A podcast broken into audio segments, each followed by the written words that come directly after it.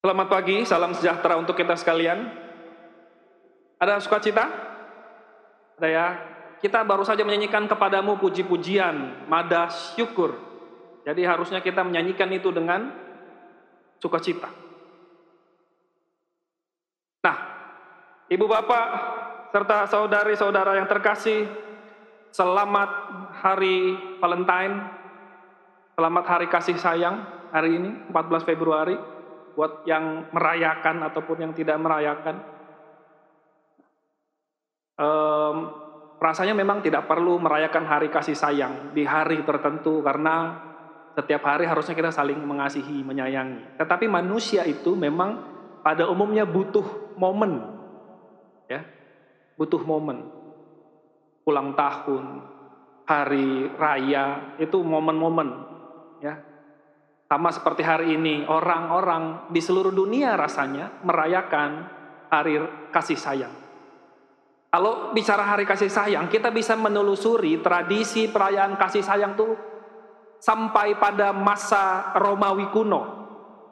Ya, di masa Romawi kuno ada satu tradisi, namanya tradisi Lupercalia. Tradisi Lupercalia itu dirayakan setiap tanggal 13 sampai 15 Februari. Tanggal 13 sampai 15 Februari. Apa yang dilakukan oleh orang Romawi kuno? Mereka merayakan tradisi, menghormati Lupercalia itu dengan cara menyucikan diri. Ya, dengan cara menyucikan diri, menganggap diri mereka kotor, kemudian menyucikan diri. Karena apa? Karena mereka pikir selama ini mereka hidup di dalam kegelapan, kemudian mereka perlu selama tanggal 13 sampai 15 Februari itu menyucikan diri, melakukan hal yang baik. Nah, salah satu hal baik yang dilakukan ketika Lupercalia adalah mereka bikin perayaan apa namanya? Cari jodoh di antara muda-mudi pada masa itu. Ya, jadi di bagian perayaan itu ada yang namanya mencari jodoh.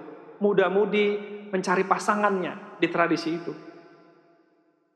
Apa yang mau dikatakan dari tradisi ini? Tradisi Lupercalia mau menunjukkan kepada kita bahwa kasih sayang bahwa saling mengasihi, saling menyayangi itu adalah simbol kebaikan. Ketika kita suci, ketika orang-orang pada masa itu merasa sudah disucikan, mereka wajib untuk saling mengasihi dan menyayangi sebagai lawan dari kegelapan, sebagai simbol dari perlawanan terhadap hal-hal yang tidak baik. Kasih sayang. Bisa jadi Tradisi Lupercalia ini juga yang dimaknai di dalam orang-orang pada masa surat Yohanes ditulis. Ada yang baik dan ada yang jahat. Penulis surat Yohanes menyadari bahwa ada banyak pergumulan hidup, ada banyak ketidakbaikan terjadi dialami oleh jemaat Kristen pada saat itu. Yang pertama, Orang-orang Kristen pada saat itu harus mengalami ujian di dalam kehidupan mereka. Apa yang dialami oleh orang Kristen pada saat itu?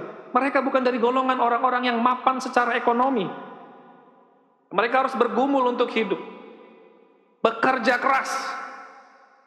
Yang kedua, orang-orang Kristen pada saat itu dihina, diejek sebagai orang gila. Ya. Orang Kristen itu tidak jelas, Tuhannya nggak kelihatan. Kalau mereka, orang Yunani, Romawi, mereka punya Tuhan, ada bentuknya, ada patungnya, tetapi orang Kristen nggak ada. Kan? Belum lagi dihina dan diejek oleh orang-orang Yahudi. Ya. Masa Tuhan menjadi Yesus anak tukang kayu? Nggak mungkin. Harusnya Tuhan datang ke dunia menyelamatkan manusia itu turun sebagai seorang raja seperti Daud setidaknya. Orang-orang Kristen pada saat itu mengalami ujian kehidupan. Mereka harus berjuang untuk kehidupan mereka, mereka harus berjuang untuk iman mereka. Itu ujian yang pertama yang dihadapi oleh orang Kristen pada masa itu. Yang kedua juga, mereka menghadapi ujian di dalam persekutuan. Bukan berarti ketika orang Kristen menjadi banyak pada saat itu, lalu tidak ada ujian di dalamnya. Kita baca di sepanjang perjanjian baru, ya, ada banyak ketidakcocokan. Ada banyak perselisihan di antara jemaat. Tentunya tidak selalu sependapat di dalam menyikapi banyak hal. Ada ujian di dalam persekutuan. Mereka harus hadir sebagai jemaat Kristus. Di situlah ketika Yohanes melihat pergumulan jemaat Kristen pada saat itu, Yohanes mengingatkan kembali tentang kasih Allah. Yohanes bilang, Saudara-saudara yang kekasih, bukan perintah baru yang kutuliskan kepada kamu, melainkan perintah lama. Perintah lama sejak zaman Musa. Orang-orang Israel diingatkan untuk mengasihi sesamamu seperti dirimu sendiri. Ya, bukan perintah yang baru. Mengasihi sesama, kemudian juga ditegaskan lagi oleh Yesus ketika Yesus mengajar. Ya, Hukum Taurat itu kemudian bisa dirangkum menjadi dua. Kasihilah Tuhan Allahmu dan kasihilah sesamamu manusia. Yohanes mengingatkan jemaat Kristen pada saat itu gunakan bahasa kasih sebagai bahasa untuk berkomunikasi, bahasa untuk bersekutu, bahasa untuk hidup, kasih, agape, Beda dengan zaman Israel. Ya. Tuhan memberikan keselamatan buat orang Israel apa? Yerusalem. Tetapi orang Israel harus merebut Yerusalem dengan cara kekerasan, dengan bahasa kekerasan. Mereka perang dari satu suku ke suku yang lain. Mereka harus perang dengan saudara sendiri. Tidak lagi seperti itu. Kemudian kasih itu digenapi oleh Allah, Allah tidak ingin lagi kekerasan itu menjadi bahasa di antara umatnya. Allah memberikan kasihnya kepada manusia melalui Yesus Kristus. Sudah cukup. Sekarang bahasa kasih. Yesus hadir mengasihi kita. Yesus hadir mengorbankan dirinya supaya kita tidak lagi perang, supaya kita tidak lagi menggunakan bahasa-bahasa kekerasan Supaya kita tidak lagi saling menyakiti, saling membenci. Ya, apa yang diajarkan Yesus jelas, sederhana sebenarnya, walaupun susah melakukannya. Kalau pipimu ditampar, berikan pipi yang lain. Ya. Kalau ada saudaramu, kalau ada orang yang butuh makanan, kalau ada orang yang kelaparan beri makan, orang yang tidak punya baju beri pakaian. Ada orang yang tidak punya tempat tinggal, beri tumpangan. Apa pun yang kamu lakukan terhadap orang yang paling hina, sama seperti engkau melakukannya terhadap aku. Kasihilah musuhmu. Ya, sesuatu yang sangat tidak pernah terpikirkan pada saat itu. Bagaimana mungkin kita mengasihi musuh kita? Bagaimana mungkin orang-orang Israel pada saat itu mengasihi orang-orang Romawi yang menjajah kita? Tapi Yesus bilang, kasihilah musuhmu. Yesus menyembuhkan orang-orang Romawi. Yesus menyembuhkan orang-orang yang berdosa. Tuhan tidak lagi mau manusia hidup seperti orang Israel di dalam bahasa kekerasan, tetapi di dalam bahasa kasih yang ditunjukkan oleh Yesus Kristus. Jadi ingat kata Yohanes kepada jemaat pada saat itu. Hai anak-anak, hai bapak-bapak, tidak bisa tidak. Ya, mau tua, mau muda, perempuan, laki-laki, tidak bisa tawar-menawar lagi. Kasih. Karena apa? Karena Tuhan lebih dulu mengasihi kita. Bagaimana mungkin kita mengasihi Tuhan yang tidak kelihatan, sementara kita tidak mengasihi saudara kita, sesama kita yang setiap hari ada di depan kita. Yang setiap hari bersekutu bersama-sama dengan kita. Nggak mungkin, nggak masuk akal. Omong kosong. Ya, omong kosong. Kalau kita mengasihi Tuhan, tetapi tidak mengasihi sesama kita. Ya. Saya ulangi sekali lagi, apa pun yang kamu lakukan terhadap orang yang paling hina, sama dengan kamu melakukan terhadap aku. Kalau bilang, kalau kita ngaku kita mengasihi Tuhan, kita kasihi juga semua yang diciptakan oleh Tuhan. Itu bahasa kasih yang diinginkan Tuhan dari manusia. Sekarang pergumulan kita tentunya berbeda dengan apa yang dialami oleh jemaat, tetapi kita juga punya banyak pujian di dalam kehidupan kita. Ya. Kita menghadapi juga pergumulan di dalam kehidupan kita. Keadaan tidak juga mudah, keadaan juga sulit. Kita kehilangan banyak hal saat pandemi.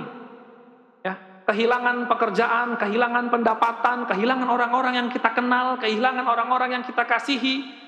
Jangan sampai kita kehilangan kasih. Jangan sampai kita kehilangan bahasa Allah di dalam kehidupan kita. Jangan sampai kita lupa bahwa Tuhan hadir untuk mengasihi kita dan kita diminta untuk mengasihi sesama kita. Jangan sampai juga kita berlebihan. Ya. Kalau bicara soal hari kasih sayang, ya, di Indonesia itu kan perayaan Valentine, perayaan hari kasih sayang itu sering kali kontroversi juga. Karena apa? Orang-orang protes. Hari kasih sayang, perayaan Valentine itu kemudian disalahgunakan untuk pergaulan bebas Katanya begitu. Sampai ada kemudian demo unjuk rasa menentang perayaan Hari Valentine, bikin gerakan Indonesia tanpa pacaran. Ya, pergaulan bebas kita bebas. Tuhan memberikan kebebasan kepada manusia, tetapi di dalam bahasa kasih. Ya, bebas, tetapi dalam bahasa kasih. Bebas bukan berarti kita sembarangan. Ya kan? Nonton sinetron Ikatan Cinta enggak? Ya. Saya baca beberapa hari lalu berita, kalau buka Google di HP itu sering kali muncul berita langsung kan? Gimana itu bahasanya? Penonton akan melaporkan sutradara Ikatan Cinta ke polisi karena ceritanya terlalu sedih. Ya, karena ceritanya terlalu sedih mau dilaporkan ke polisi itu bahasa bahasa cinta yang berlebihan itu. Sudah disalahgunakan itu. Ya, silakan menggambari sinetron tapi enggak juga sampai segitunya. Kita sering kali berlebihan juga ya, di dalam kehidupan keluarga. Kalau kita bilang kita mengasihi ya, suami dan istri yang pacaran, bukan berarti kemudian mengasihi itu artinya menguasai pasangan kita, bukan berarti mengintimidasi pasangan kita bukan membuat dia ketergantungan kepada kita. Bahasa kasih. Bukan berarti kemudian orang tua harus mengatur anaknya sedemikian rupa. Sampai anaknya tidak bisa bebas berekspresi. Bukan berarti anak-anak juga kemudian berlaku seenaknya kepada orang tua karena merasa sudah mandiri dan mampu. Dua minggu yang lalu, saya pelayanan di Salatiga, ada berita. Um, seorang anak penuntut di pengadilan orang tuanya hanya karena satu unit mobil. Salatiga itu. Ya saya bilang jangan sampai itu terjadi di antara kita. Ya. Anaknya menuntut orang tuanya di pengadilan hanya karena perkara satu unit mobil. Itu sudah bahasa kasih yang berlebihan. Tidak tahu apakah itu lagi kasih. Nah, kalau kita belajar dari firman Tuhan, bagaimana Tuhan menghadirkan kasihnya, tidak lagi lewat kekerasan seperti pada masa Israel, tetapi juga Tuhan menunjukkan melalui Yesus Kristus. Apakah Yesus Kristus memaksakan Ketika orang Israel berharap Yesus memimpin mereka perang melawan Romawi untuk mengusir penjajah, Yesus tidak melakukan itu. Yesus lebih menunjukkan bahasa kasih. Yang Yesus kalahkan bukan hanya orang Romawi, bukan hanya kekaisaran Romawi, tetapi yang Yesus kalahkan adalah maut bosnya orang Romawi. Yang Yesus kalahkan adalah kematian, hal yang paling ditakutkan oleh manusia. Bahwa Yesus bangkit pada hari yang ketiga. Yesus mau menunjukkan bahwa mengalahkan musuh itu tidak harus dengan kekerasan, tidak harus dengan cara yang berlebihan, dengan mengorbankan diri, dengan mengasihi. Ketika Petrus memotong telinga prajurit Romawi yang menangkap Yesus, Yesus malah menyembuhkan telinga itu. Itu yang diminta Tuhan dari kita saat ini. Ya. Jangan sampai, jangan sampai begitu banyak pergumulan, begitu banyak ujian di dalam kehidupan kita, kita kehilangan kasih. Ya. Mari kita tunjukkan, seperti tradisi Lupercalia, tradisi orang Romawi itu, bahwa kasih sayang bahwa cinta itu ditunjukkan sebagai bukti bahwa kita adalah orang-orang baik, bahwa kita adalah anak-anak terang. Begitu juga kita belajar dari yang terjadi di jemaat surat Yohanes. Bahwa Yesus hadir sebagai bukti bahwa terang mengalahkan kegelapan. Mari kita tunjukkan itu, bahasa kasih kita. Kita tunjukkan kasih sayang kita, cinta kita sebagai usaha untuk menunjukkan, menghadirkan terang itu di dalam kehidupan kita, di tengah keluarga, di tengah persekutuan kita, bahkan di tengah kehidupan kita yang lebih luas. Tuhan memberkati kita, Tuhan mengasihi kita semua. Amin.